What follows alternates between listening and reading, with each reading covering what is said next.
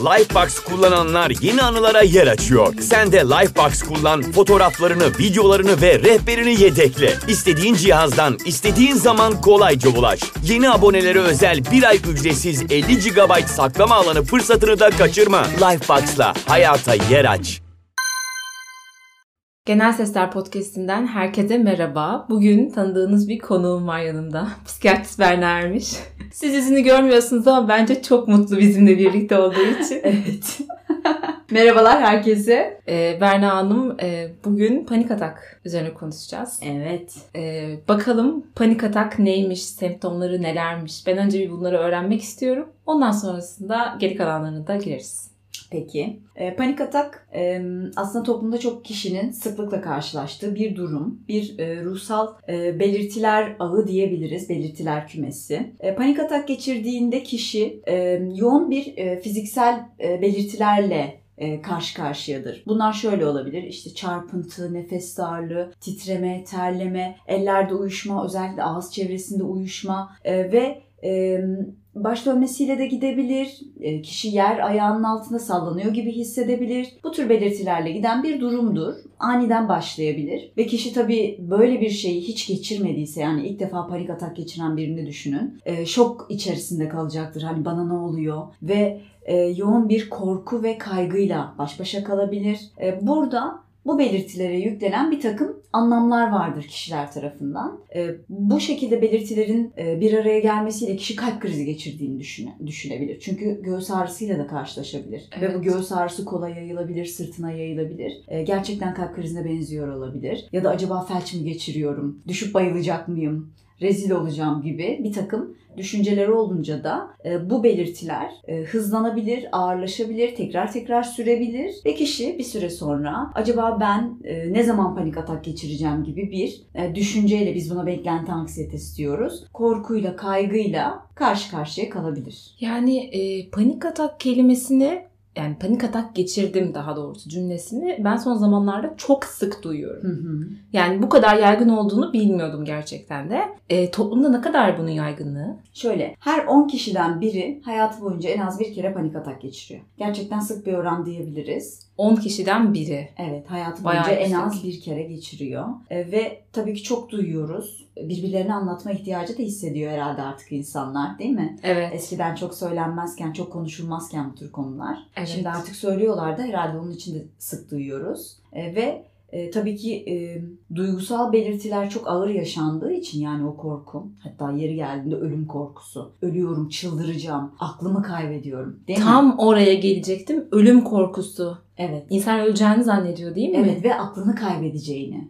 Yani evet. oradaki en önemli noktalardan biri akıl kaybetmekte. Yani peki bunun kökeni ne Berna Hanım? Böylesine şiddetli ve acı verici bir şeyi neden yaşıyoruz? Şöyle düşünün. E, şimdi hepimiz hayatımız boyunca pek çok stres faktörüne maruz kalıyoruz ve aslında tek yaşadığımız ruhsal bozukluk panik atak değil. Hı hı. Bunun içerisinde depresyonlar da var, başka kaygı bozuklukları da var, takıntı hastalığı da var, e, pek çok bağımlılıklar. Yani pek çok ruhsal hastalıkla baş başayız. Panik atağı şöyle düşünün. Vücudun ateşinin çıkması gibi bir durum. Yani mesela bir bademcik enfeksiyonu geçirirsiniz. Vücudunuzda nasıl belirtiler olur? Ateşiniz çıkar, halsizlik olur, eklem ağrısı. Bunun gibi bir takım belirtiler olur. Ve e, siz doktora gittiğinizde sadece ateşiniz tedavi edilmez ya da sadece halsizliğiniz için bir takım işte semptomatik ilaçlar verilmez. Gerçekten e, bademcik enfeksiyonuna yarayacak ilaçlar da verilir. İşte burada altta yatan kök sebep bademcik enfeksiyonudur. Ama ortaya çıkan belirti ateştir. Panik atağı da ateş gibi düşünebilirsiniz. Yani vücudunuz size sinyal veriyor. Yani vücut bir şeylerin etkisi altında. E, belki bir e, psikososyal bir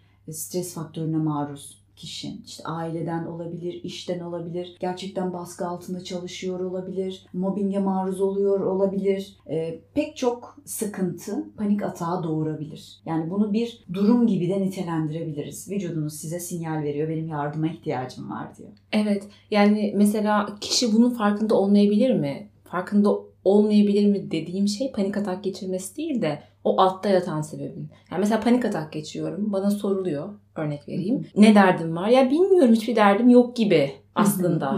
Ben bunu da duydum çünkü. Evet. Benim bir derdim yok, bir şeyden korkmuyorum. Ee, bu gizli olan, bizim fark etmediğimiz, bilinç dışında bir şey de olabiliyor mu Tabii bu ki sıkıntı? olabilir. Tabii ki olabilir. Çünkü biz her zaman her sıkıntımızın farkında olmuyoruz. Mesela sürekli çevresindekilere e, boyun eğen, boyun eğici tavırda davranan birini düşünün. E, Belki bu onun artık hayat biçimi haline geldi. Yaşam stili haline geldi. Belki Evet. bir terk edilmeyi önlemek için boyun eğiyor ya da insanlar tarafından sevilmek için boyun eğiyor ve kendini ifade etmiyor, düşüncelerini ifade etmiyor. Belki bir şeyi çok öfkelendiğinde bile içinde tutmaya çalışıyor. İşte bu tür durumlar da e, kişinin farkında olmayacağı ama yaşadığı ruhsal sıkıntıları olabilir. Ve e, bu kendisini bir panik atakla gösterebilir. Evet. Ee, şimdi siz şey dediniz ya panik atakla artık bir şeyleri bağdaştırmaya başlıyor Evet. kişi. Evet. Yani mesela işte kalbim ağrıyor, panik atak geçiriyorum. Ya da Evet. işte mesela buna spor yapıyorum, sonra panik atak geçiriyorum. Evet. Ekleyebiliriz Evet, değil evet mi? ekleyebiliriz tabii. Ee, hem bunu ben internette okudum hem de geçen Instagram'da birinin storiesinde gördüm. 2-3 gün önce yanılmıyorsam şey diyordu. "Ee, bir bardak kahve içtim, anksiyeteden ölmek üzereyim.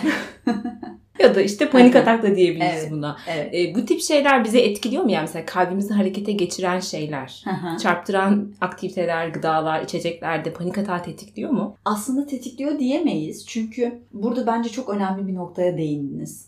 Ee, burada belirtilere yüklenilen anlam çok önemli. O yüzden biz panik e, bozukluğun, panik atağın tedavisinde bilişsel davranışçı terapi kullanıyoruz. Yani Hmm. yüklediğimiz bilişler çok önemli. Örneğin spor yapıyorsunuz. İşte nabzınız belki 140 atıyor, 150 atıyor değil mi? Nefes nefesesiniz, terliyorsunuz, çarpıntınız var, işte başınız dönüyor. Yani neredeyse bir panik atak belirtileri yaşıyorsunuz. Ama orada şu anlamı yüklemiyorsunuz. Ay ölüyor muyum? Ay felç kalacak mıyım? Beyin kanaması mı geçiriyorum? Bunu yüklemiyorsunuz. Kalori yakıyoruz diye seviniyoruz. Seviniyorsunuz. Kesin, Yani- Kesinlikle değil mi? Yani orada çünkü spor yapıyorum ve bana iyi gelecek gibi bir anlam var. Hı. Yani ay bedenime kötü bir şeyler oluyor. Şimdi aklımı kaybedeceğim, öleceğim, çıldıracağım. Bunun gibi belirtiler yok ya da düşüp bayılacağım, insanlara rezil olacağım gibi anlamlar olmuyor. İşte burada panik atağın zaten kronikleşmesine sebep olan şey bu belirtilere yüklenilen anlamlar aynı zamanda. Evet. Yani sen ona o anlamı yüklersen o da aslında öyle bir şeye dönüşüyor. Evet, öyleymiş gibi geliyor. Bir süre sonra da kişi tekrar tekrar atak geçirmeye başlıyor ve her atakta yeni bir anlam yüklüyor. Ve bu yüklediği anlamlar o kişinin korkularının, kaygılarının daha da artmasına sebep oluyor. Çünkü bizim düşüncelerimiz duygularımıza dönüşür. Duygularımız davranışlarımıza. Evet. Ve davranışlarımız yeniden düşüncelerimizi tetikler. Yani kişi aa eyvah işte bir şey oluyor bana. Ee, şimdi tansiyonum yükseldi galiba. işte beyin kanaması geçireceğim gibi bir korkuyla, kaygıyla kendini ne yapıyor davranış olarak? Ya acil servise atıyor. evet. Yani sadece e, hastanenin bahçesine giderek panik atağa geçen insanlar var. Yani hastanenin bahçesine gidiyor, oturuyor kişi ve bahçede rahatlayıp yeniden oradan ayrılıyor. Yani acil servise girmeden, bir doktorla görüşmeden dahi. Çünkü zihninde e, iyileşmeyi orayla bağdaştırıyor. Evet, orayla kodlamış. Yani orada güvendeyim. Çünkü panik atakta güvende olma hissi çok önemlidir. Güvende olma hissiniz bozulur. Evet. Ama Berna Hanım hani şu da var.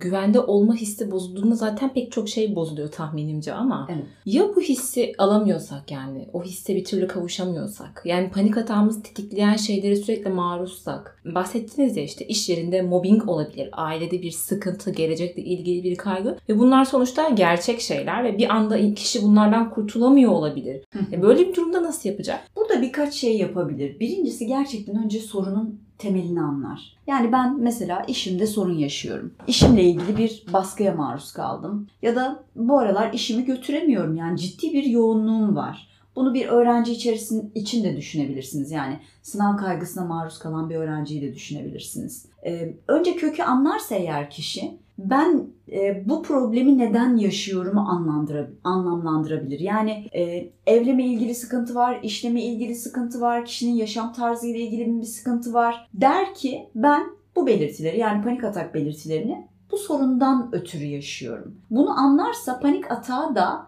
yanlış anlamlar yüklemez. Yani orada öleceğim, çıldıracağım gibi anlamlar yüklemez. Bu bir.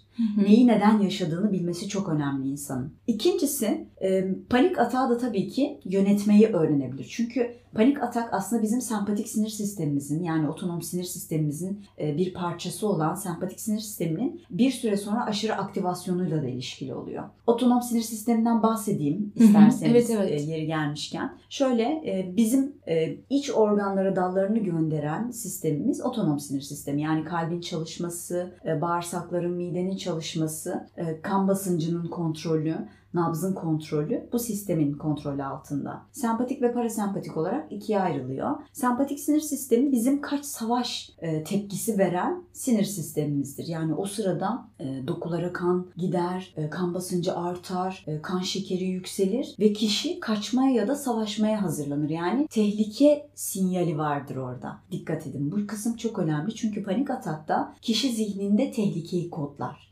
tehlike altındayım. Tehlike altındayım diye düşünürseniz eğer sempatik sinir sistemi daha da çok çalışır. Evet. Evet bu bize atalarımızdan yadigar olan bir sistem ama şu anda karşımızda bir aslan yok, bir kaplan yok. Yani Aynen. kendi zihnimizle baş başayız tehlike anlamında. Belki tehlike dediğimiz şey patronumuz, belki tehlike, tehlike dediğimiz şey sınav, belki komşu, belki trafik. Ve bu e, sistem tehlike anında çalıştığı için bir süre sonra panik atak geçire geçire sürekli tehlike addetmeye başlar her şeyi. Ee, örneğin trafikte panik atak geçirmekten korkan insanlar var. Daha Evet. ileriden e, trafik sıkışıklığını görüp yani bacaklarında karıncalanmalar başlayıp o nefes darlığıyla çarpıntıyla işte e, camı açıp eyvah ben ne yapacağım işte kuyruk var, e, trafik var ve bu trafikte ben nereye kaçacağım? Kaçacak hiçbir yerim yok ve arabanın içerisinde sıkışıp kalacağım düşüncesiyle tehlikeyi zihninde oluşturur kişi. Evet. Yani mesela şey de olabilir bu. Bir insan sınavda mesela bunu yaşayacağından korkabilir. Evet, korkabilir. Özellikle diyeyim üniversite sınavı gibi bir sınav düşünün. Bir defa girebiliyor Hı hı. senede ve Evet. o orada panik atak geçirdiğini hayal ediyor. Tabii ki zaten panik sınav sabahı, sınavdan bir gece önce, sınav anında panik atak geçiren öğrenciler, insanlar var. Çünkü orada tehlike var onlar için. Yani sınav tehlike işte. Tehlikeyle e, zihnini bağdaştırdığında kişi artık ondan korkmaya başlıyor. Yani e, ve sistem çalışmaya başlıyor. Çünkü sistem de kendini korumaya altına almak istiyor. Tehlike var, kendimi korumalıyım diyor. Yani kaçacağım ya da savaşacağım. Ama sınavdan nasıl kaçabilirsiniz ya da nasıl Evet. savaşabilirsiniz? Dolayısıyla burada tehlikeyle eşleştirdiğiniz şeyin aslında belki de tehlike olmadığını, belki de bunun o kadar korkulacak bir şey olmadığını, e, mesela hani sınav kaygısıyla ilgili çalışırken bunları da öğretmeye çalışıyoruz. Danışanlarımıza, hastalarımıza. Yani tehlike saydığımız şey ne kadar tehlike? İşte bunu öğrenmek panik atakta çok önemli. Ondan sonra yüklediğiniz anlam değişiyor. Ondan sonra artık öleceğim demiyorsunuz. Diyorsunuz ki benim başka bir sorunum var. Bunu çözmeliyim. Evet. Tehlikeyle eşleştirdiğim bir durum var. Tehlike saydığım bir durum var. Aslında farkındalık iyileşmekteki en önemli adım. Kesinlikle psikiyatrik rahatsızlıkların belki hepsinde öyle yani. Farkındalık ilk yolumuz. Çıkacağımız ilk yol. Yani şöyle bir durum var panik atakla ilgili. Ne kadar irrasyonel olduğunu bilsen de yani ölmeyeceğini bilsen de o esnada. Yani ölmen için bir şey yok ortada yani. Güvendesin, evindesin Evet. ama öleceğine inanıyorsun ya da işte o sınavda o kriz geliyor. Aslında öyle bir durum olmadığı halde ona inanmak beynimizin herhalde bize oynadığı büyük bir oyun. Aslında hem oyun hem de hayati bir şey. Çünkü güvende kalmak istiyor beyin. Vücudu korumak istiyor. Diyor ki tehlike var. Hatta bir süre sonra e, panik atak geçiren insanlar şöyle bir şey yapar. Güvende kalma önlemleri almaya başlarlar. Mesela acil servise yakın olan yerlere gitmeye başlarlar sadece ziyaret olarak. Örneğin metroya otobüse binmemeye başlarlar. Neden? İstediğimde durduramam. Oradan inemem. Ya da yanlarında bir takım sakinleştirici ilaçlar taşımaya başlarlar. Ya da su Evet. ya da evden çok çıkmamaya çalışırlar. Ya da yanlarında biri varken çıkmaya çalışırlar. Hani AVM'ye girmek istemeyebilirler. İşte orada rezil olacağım. Güvenlik algım bozulacak. Düşüp bayılırım ve kimse bana yardım etmez. O zaman ben ne yapacağım? Evet. Bir de şey de düşündüm. Mesela önceden korkmadığımız bir şeyden sonradan korkmaya ve kaygılanmaya başlamak da panik atağa girer mi? Yani bunu şöyle örneklendireyim. Ee, mesela benim uçakla seyahat ettiğim oldu iki Hı hı. defa. Ve hiçbir sıkıntı yaşamadım. Gayet rahattım. Bindim gittim gideceğim Hı yere. Ve döndüm de aynı şekilde. Ama şu an uçaktan çok korkuyorum.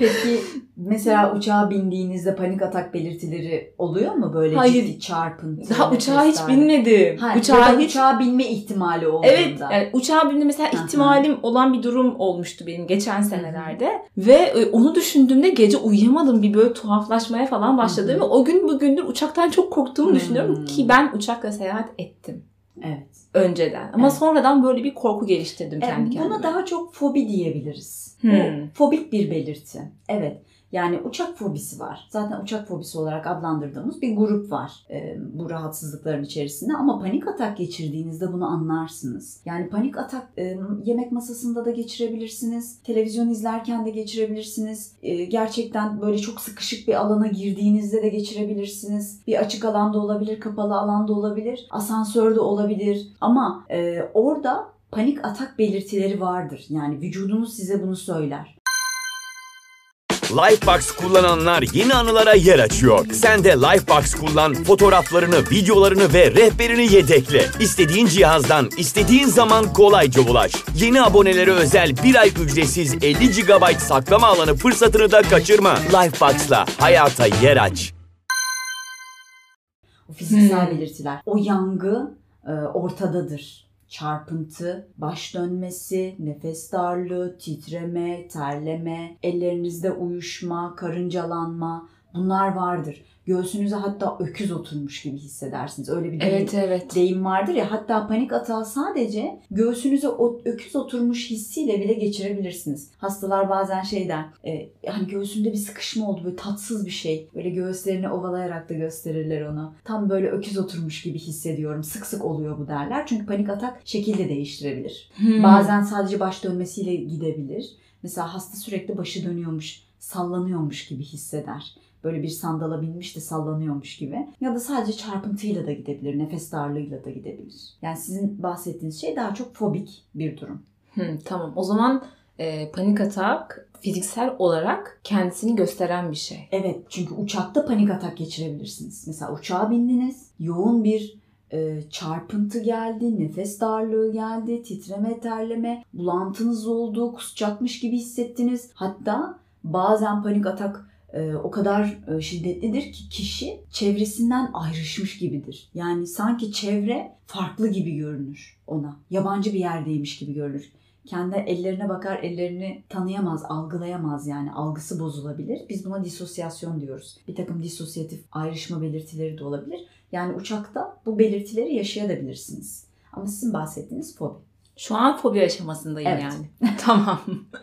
Artık binersem bir gün göreceğiz onu. Umarım geçirmem yani. Neyse. Umarım. Ee, şimdi siz dediniz ya Hı hı. 10 kişiden biri panik atak Evet. geçiriyor. Ben orada bir takıldım. Mesela şimdi sokağa çıktığımda bir sürü insan görüyorum Evet. ve bu insanlar da insanların arasında onda biri panik atak geçiriyor. Evet. Yani o zaman mesela bunu işte bir iş yerinde sunum yaparken, asansörle yemekhaneye çıkarken, Hı hı. çocuğunu okuldan almaya giderken bir Hı hı. insan bu tip alanlarda da geçirebiliyor. Yani hayatın Evet, içerisinde ki. yaşarken. Ee, bunu dışarıya belli etmiyorlar mı? Çünkü hani tutup da so- sokakta kimseyi görmem. Ah işte ölüyorum panik atak geçiriyorum diye. Yani ediyorlar şöyle e, bazen bazı insanlar bunu sadece akşam yapıyor, yaşıyor. E, gece uykudan uyandıran ataklar var. Tabii ki o sırada hani siz görmüyorsunuz, şahit olmuyorsunuz ama hasta yakını bunu biliyor. Örneğin eşi varsa yanında ya da çocuğu varsa onlar görüyorlar, biliyorlar. Zaten şöyle söylemler geçer ya benim annemde panik atak var diye. Evet. Ya da işte benim e, kardeşimde panik atak var. Daha önce tedavi gördü falan derler. E, biz tabii ki e, sık sık böyle dışarıda "Aa, panik atak geçiren insanları görmüyoruz. Ama bu onların aldıkları işte güvenlik önlemleriyle de ilgili. Hmm. Yani onlar güvende kalmayı tercih ediyorlar. Ve sonuçta doktor başvuruları da oluyor tabii bu insanlar. Hani hep böyle yaşamıyorlar. Bir de bir insan e, bir kere panik atak yaşadı diye o kronikleşecek diye bir hadise yok. Yani sürekli panik atak geçirecek ve bu onun hayatını ele geçirecek diye bir kaide yok. Evet. Bir kere panik atak geçirirsiniz. Örneğin 4-5 sene geçirmezsiniz. Sonra bir kere daha geçirebilirsiniz. Yani bu bunlar kişiye göre değişir. Hani bizde e, hastalık yoktur, hasta vardır ya. Yani her hastalığında kendi karakteri vardır sonuçta. Evet evet. E, bu nedenle tabii ki sık sık AVM'ye gittiğimizde orada burada panik atak geçiren insanlarla karşılaşmıyoruz. Yani mesela diyelim panik atak bana geldi. Evet. Dedim tamam gidiyorum. Örnek üzereyim. O an dedim ki ben şu an panik atak geçiriyorum. Bunun farkına vardım. Ne yapmalıyım o esnada? Bir kere ben şununla çok karşılaşıyorum. E, hani insanlar birbirlerinden yardım istemekten korkuyorlar ya. Evet. Yani o sırada örneğin e, AVM'de, metroda ben atak geçiririm, işte bayılırım, insanlara rezil olurum. Sonra derler ki işte koskoca adama bak, kadına bak, panik atak geçiriyor gibi. E, bu tür söylemler ve bu tür düşünceler e, bizi bunun içerisinde yaşamaya mahkum ediyor. Belki de öyle bir zamanda oradan geçen birinden, bir insandan yardım isteyebiliriz. Hani düşünün AVM'de diyelim sizin başınıza gelse, biri sizden su istese, panik atak geçiriyorum dese ne yaparsınız? Yardım ederim tabii ki de. Tabii ki değil mi? Bir, Tabii ki bir de. dururuz, yardıma ihtiyacınız var mı? İşte kolonya getirelim mi sorarız yani. Hatta diğer insanlar da gelir. Değil mi? Hani orada bir şey olduğunu fark ederlerse genelde böyledir. Kimse demez yani. Evet, yardım etmek isterler Evet. aslında insanlar. Ee, bu nedenle yardım istemeliyiz. Yani çevremizden yardım isteyelim. Bir kere durmayalım orada. Hani kendi kendimize e, ben ben bunu çözerim ya da çözmeliyim ya da ben buna nasıl maruz kalıyorum? Bu benim başıma gelecek iş miydi? gibi düşüncelerden uzaklaşıp yardım isteyelim. Zaten bu bizim e, hayat boyu yaptığımız bir hata. Değil mi? Birbirimizden yardım istememeye Evet. çalışmak. E, bu bir. İkincisi tabii ki nefesimizi kontrol edebiliriz. Nefes egzersizleri, gevşeme egzersizleri. Bunlar için e, çok iyi çözümler. E, insanlar internetten de ulaşabilirler bunları. Diyafram nefesi e, kullanmak ve hani e, bizim bildiğimiz kese kağıdına e, nefes alıp vermek ve tabii ki kaslarımızı gevşetmeye çalışmak çok iyi yöntemler.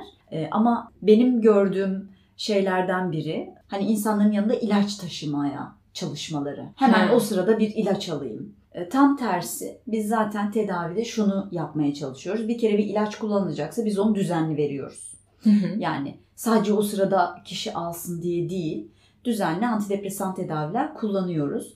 Bunun yanında e, zaten o sırada kullanacağı nefes egzersizini neler yapabilir, ne gibi önlemler alabilir öğretiyoruz ve destek istemeye teşvik ediyoruz. Hani güvenlik önlemleri almak yerine çıkalım o evden, çıkalım o dünyadan, o çemberden ve insanların içerisine karışıp hani görelim yani E, bir şey olmayacağını kişi kendisi test etsin ama tabii ki basamaklı. Yani bir anda olmaz bunlar. Tabii. Tedavinin her birinin bir basamağı var. Ee, Bir anda e, bir insanı otobüs yolculuğuna gönderdiğimizi düşünsenize işte hadi yaparsın vesaire diye olmaz. Çünkü e, kişi bu tedavinin basamaklarını bilmiyorsa, e, otobüsten inme ihtiyacı olursa çok ciddi bir hayal kırıklığıyla baş başa kalır. Evet. Başarısızlık hissedebilir. Evet, evet ve bunu yaşamasını hiç istemiyoruz. Tam tersi her zaman böyle destekleyici, e, o güvenlik çemberini kırdığında da aslında güvende olduğunu hissettirerek bunu yaşatıyoruz Evet. aslında. Ee, bir de şeyi merak ediyorum. Anksiyete ve panik atak aynı şeyler mi? Hı hı. Panik atak anksiyete bozukluklarının içerisinde geçiyor. Yani anksiyete bozuklukları bizim bildiğimiz kaygı bozuklukları grubu. Mesela yaygın anksiyete bozukluğu dediğimiz bir rahatsızlık var. Ee, genel anlamda e, kişinin hayattaki hayatın içerisindeki şu çoğu şeyle ilgili kaygı duyması. Örneğin maddi anlamda kaygılarının olması. İşte bir gün e, bana bir şey olur mu? Parasız kalır mıyım? Parasız kalırsam ne yaparım? E, sağlığım bozulur mu? E, ya da e, bir şekilde diyelim e, bir annenin çocuğu geç kaldı eve. Ah çocuğumun başına bir şey geldi mi? Defalarca arayan Benim annemde vardır. var. Teşhisi koydum yalnız. Çoğumuzun e, evet ebeveynlerinde vardır bu. İşte aman çocuğum öyle olmasın. Aman çocuğum otobüse binerken, metroya binerken dikkat et. Nerede kaldın? Üşütme, sırtına e, işte bir şeyler aldın mı? Ama bazı insanlar bunu e, aşırı yaşıyorlar. Çünkü kaygı dozunda yaşanırsa zaten bizim hayatımızı koruyan bir şey. Yani düşünsenize sınava gireceksiniz hiç kaygınız yok. Nasıl olurdu? Hiç sıfır kaygı. Çalışmam, ra- Evet. takmam kafaya. Kaygı biraz da insanı pozitif etkileyen bir şeydir. Yani bir insanı e, nasıl diyeyim? e, Bir insanın hayatla ilgili beklediği bir şeyden kaygı duyması. Kaygı duyarsanız biraz o yolda çalışmaya başlarsınız. Ama benim bahsettiğim artık bizde bozukluğa dönüşen şey kişinin işlevselliğinin bozulduğu noktadır. Mesela panik atak da böyle. E, panik atak ne zaman artık bir bozukluk ve bir rahatsızlık olarak kabul ediliyor bizde? Kişinin işlevselliğini bozarsa. Bunu da birkaç alana ayırıyoruz. Genelde aile, iş, sosyal hayat ve özel hayat olarak e, ayırıyoruz. İşi öğrencilerde okul olarak nitelendirebiliriz. Örneğin e, aile içi sorunlar baş gösteriyorsa mesela kaygı bozukluklarında da böyledir. Yani o kadar kaygılı ki anne evde huzur kalmamış ya da anne hastalanıyor. Omzu ağrıyor, sırtı ağrıyor. Bir takım fiziksel belirtiler başlamış, uyuyamıyor geceleri ya da örneğin çocuklardan biri e, yine bu şekilde kaygılıysa e, örneğin okulla ilgili sorunlar yaşayabilir. Yani e, ne zamanki işlevselliğimiz bozuluyorsa bizde bir duygu o zaman hastalık boyutuna taşınabilir. Evet. Psikiyatride işlevsellik bozulması önemlidir. Ya aklıma anksiyete ile ilgili e, Kierkegaard'ın bir sözü geldi. Çok ünlü bir söz aslında. Şey diyor. Anksiyete özgürlüğün baş dönmesidir diyor. Hmm. Ben bunu okuduktan sonra bir de Twitter'da bir tweet'e denk geldim. Hı hı. Tam hatırlamıyorum ama hani şu anlamdaydı. İşte eğer evde kalırsanız depresyona girersiniz. Evden çıkarsanız anksiyete olursunuz. Hı hı. Ailenizden ayrılırsanız. Acaba bu anksiyete ve kaygı bozukluklarının sebeplerinden biri de hani o dış hayatta kendi kendimize ayakta kalmaya çalışmak, hayatla, gelecekle, geçmişle, çocuklarla her şeyle ilgilenmeye çalışmak, o sorumlulukları sırtlanmak da olabilir mi? Tabii ki. Bugün biz anksiyete, evham, kaygı aynı grupta topluyoruz. Bütün bu duyguları, hisleri, düşünceleri. E, şöyle zaten bunu m, şema terapide özellikle dayanıksızlık şemasıyla eşleştirebiliriz. Hem dayanıksızlık hem karamsarlık. Çünkü bugün çok konuşulan bir şey var dayanıklılık üzerine biliyorsunuz. Tabii ki kişi dış dünyaya çıktığı anda artık o özerkliği yani birey olmanın getirdiği sorumlulukları yani ben buradayım ve başıma gelenlere dayanabilirim, katlanabilirim, e, bunların sonuçlarıyla yüzleşebilir mi görmeye başlıyor. E, Bunu pek çok şekilde yaşıyoruz hepimiz. E, Farklı farklı alanlarda yaşayabiliyoruz ama eninde sonunda dayanıklılığımız bizim geliştirebileceğimiz bir yönümüz. Örneğin dayanıksızlık şeması varsa, bu arada şema diyorum, bilmeyenler için şemanın ne olduğunu tekrar ben bir açıklayayım. Evet. Şemalar bizim çocukluk çağında karşılanmayan bir takım ihtiyaçlarının nedeniyle gelişen temel inançlarımız. E, Bu inançların içerisinde duygular da barınır, an- anılar da barınır, e, düşünceler de barınır. Ve bu inançlar nedeniyle bir süre sonra davranış sistemlerimiz şekillenir. İşte dayanıksızlık şeması bunlardan biridir. Bizim evham şemalarımızdan biri. Ve dayanıksızlıkla karamsarlık kol kola gezerler. Yani biri Tabii. der ki sen yapamazsın, öbürü de der ki yapamazsın ama bu başına gelecek olan şey de en kötüsü olacak. Panik atakta da o yok mudur? Kaygı Evet. bozukluklarında da. En kötü senaryo. Yani kişinin aklında en kötüsü vardır. Hatta bazı hastalar kendi e, mezarlık sahnelerini yani kendi e, cenaze sahnelerini e, hayal ederler, senaryolaştırırlar. Yani hani görüyorum o kadar kötüyüm ki panik atak geçirmişim ve ölmüşüm ve ailem cenazemi kaldırıyor ve kendimi böyle görüyorum. Yani böyle hayal ediyorum. Ve bu en kötüsüdür yani olabilecek. Bu nedenle ölüm korkusuyla eşleşir. Yani bu karamsarlık aslında başkasının söylemiyle de öğrenilebiliyor. Tabii ki. Çünkü e, direkt aklıma şu geldi yine kendi hayatımdan. Çocukken böyle 12-13 yaşındayken en büyük hayallerimden biri tek başıma arabayla böyle dağlarda seyahat yapmaktı. E, babama bunu anlatıyordum. O da bana şey dedi. Sen de tek başına gidersin. Lastiğin patlar. Yolun ortasında, ormanın ortasında kalırsın. Kamyoncunun teki de gelir seni de öldürür dedi. Gerçekten bunu dedi bu arada. Bence bunu kötü bir şey olarak söylemedi. Şimdi burada babamı yargılamıyorum. Kendince benim bu e, korkunç hayalimi engellemeye çalışıyordu. Korumaya çalışıyor Beni değil mi? korumaya çalışıyordu. Ama size yemin ediyorum dürüstlükle söyleyeceğim. O günden beri benim aklımda hep öyle bir imge var. Bakın 25 yaşındayım. Evet.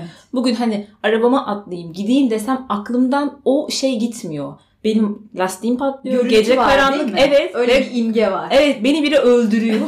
Gerçekten. Ve bu bende Evet. cidden korku yaratıyor yani. Evet, tabii ki. Yani e, senaryolaştırılan e, şeye karşı e, bir korku duyulma hali. Hatta Evet. böyle e, son zamanlarda çok meşhur bir şey vardı. Bu nedenle artık korkmaktan korkar hale geliyorsunuz. Değil mi? Evet. Çünkü bu artık otomatikleşiyor yani. Bir süre sonra korku duyduğunuz şeyin ne olduğunu bile ayırt edemeyebilirsiniz. Evet. Değil evet. mi? Bu o kadar otomatikleştirir ki bunlar zihnimizin bize otomatik olarak sunduğu görseller, duygular haline geliyor. Yani siz onu düşünmeye başladığınız andan itibaren parmaklar şıklıyor ve Aynen. o duygular artık bütün vücudunuza zerk oluyor. Evet evet inanışlar yani şey de var hani tek başına işte bir sen bir kızsın tek başına dünyayı seyahat edemezsin. Edersen kesin öldürülürsün. Sonra biraz mesela büyüdüğümde şimdi sosyal medyada falan da görüyorum. O kadar çok genç kadın var ki dünyayı tek başına seyahatten. Yani müthiş eğleniyorlar. Hayatta tabii kötü şeyler de var ama hayatın diğer bir yönü de var. Evet tabii ki. Tabii yani ki. o karamsarlıkların gerçek olmadığı, güzel olan bir yönü de var yani. Hı hı. Ee, dediğiniz gibi bunların farkında, farkında olmak ve ayırt etmek belki insana yeni bir hayat bile bağışlayabilir yani. Kesinlikle bağışlar. Çünkü şöyle düşünelim. Karamsarlık, karamsarlıkla ilgili aklınıza gelen şeylerin kaçı başınıza geldi ki bugüne kadar? Aynen. Ya da şunu düşünebilmek. Ya başıma gelirse ben bununla baş ederim. Baş edebilecek güce sahibim. İşte dayanıklılık insana böyle bir inanç verir. Kendine inanmak yani o nokta. Evet, kendine inanmak ve baş edebileceğine inanmak. Yani baş ederken insan e, pek çok kaynağı bir arada kullanabilir. Hani az önce bahsettiğim gibi mesela destek isteyebilir insanlardan. Hani ben bununla nasıl baş edeceğim? Baş edemeyeceğim e, şeyi yapmayayım. E, bu nedenle o evden çıkmayayım, o metroya binmeyeyim ya da AVM'ye gitmeyeyim demek yerine başıma gelirse ben buna katlanabilecek güce sahibim. Bunun için ne yapabilirim? Bütün bunlara bakmak lazım. Çünkü hayat boyu aslında evet aslanlar kaplanlar şu anda çıkmıyor ama karşımıza. E, zihinsel olarak tehlike addettiğimiz çok şey karşımıza çıkabilir. Değil mi? Hı hı. Hayatta sorunlar hep olacak. Problemlerimiz hep olacak. Kaçınılmaz. Önemli olan bunları yönetebilmeyi yani o problemleri çözebilme yeteneğimizi geliştirebilmek. Ee, sanırım bu da şeyle oluyor. Geçen bölümde bahsettiğiniz sağlıklı yetişkin modumuza Evet. sahip çıkıp onu Evet. besleyerek. Çünkü bu onun bakış açısı gibi. Ben bununla baş edebilirim. Evet çünkü Olursa. sağlıklı yetişkin parçamız şunu der. Şimdi içimizde o dayanıksızlığı ve karamsarlığı yaşayan böyle küçük bir çocuk var. O bizim incinebilir, incinmiş çocuk yanımız diyoruz. Bu çocuk korkar, tedirgin olur, kaygılanır. Örneğin e, sizin o yoldan korktuğunuz gibi işte Evet. ya başıma bir şey gelirse, tekerim patlarsa öldürülebilirim gibi. Bunu küçük bir çocuğun yaşadığını düşünün. Şimdi çocuk bunu yaşarken ona yardımcı olacak bir sisteme ihtiyacınız var içinizde.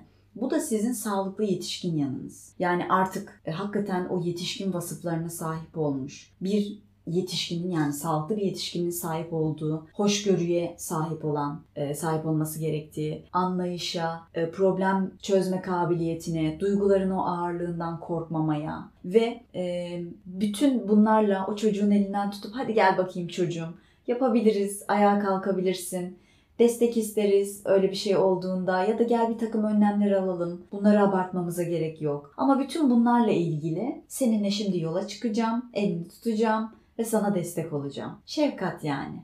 Sağlıklı Evet. yetişkinin şefkati çok önemli. Çocuğun korkusunu ve kaygısını yenmesi için. Evet ya çok güzel açıkladınız bu arada.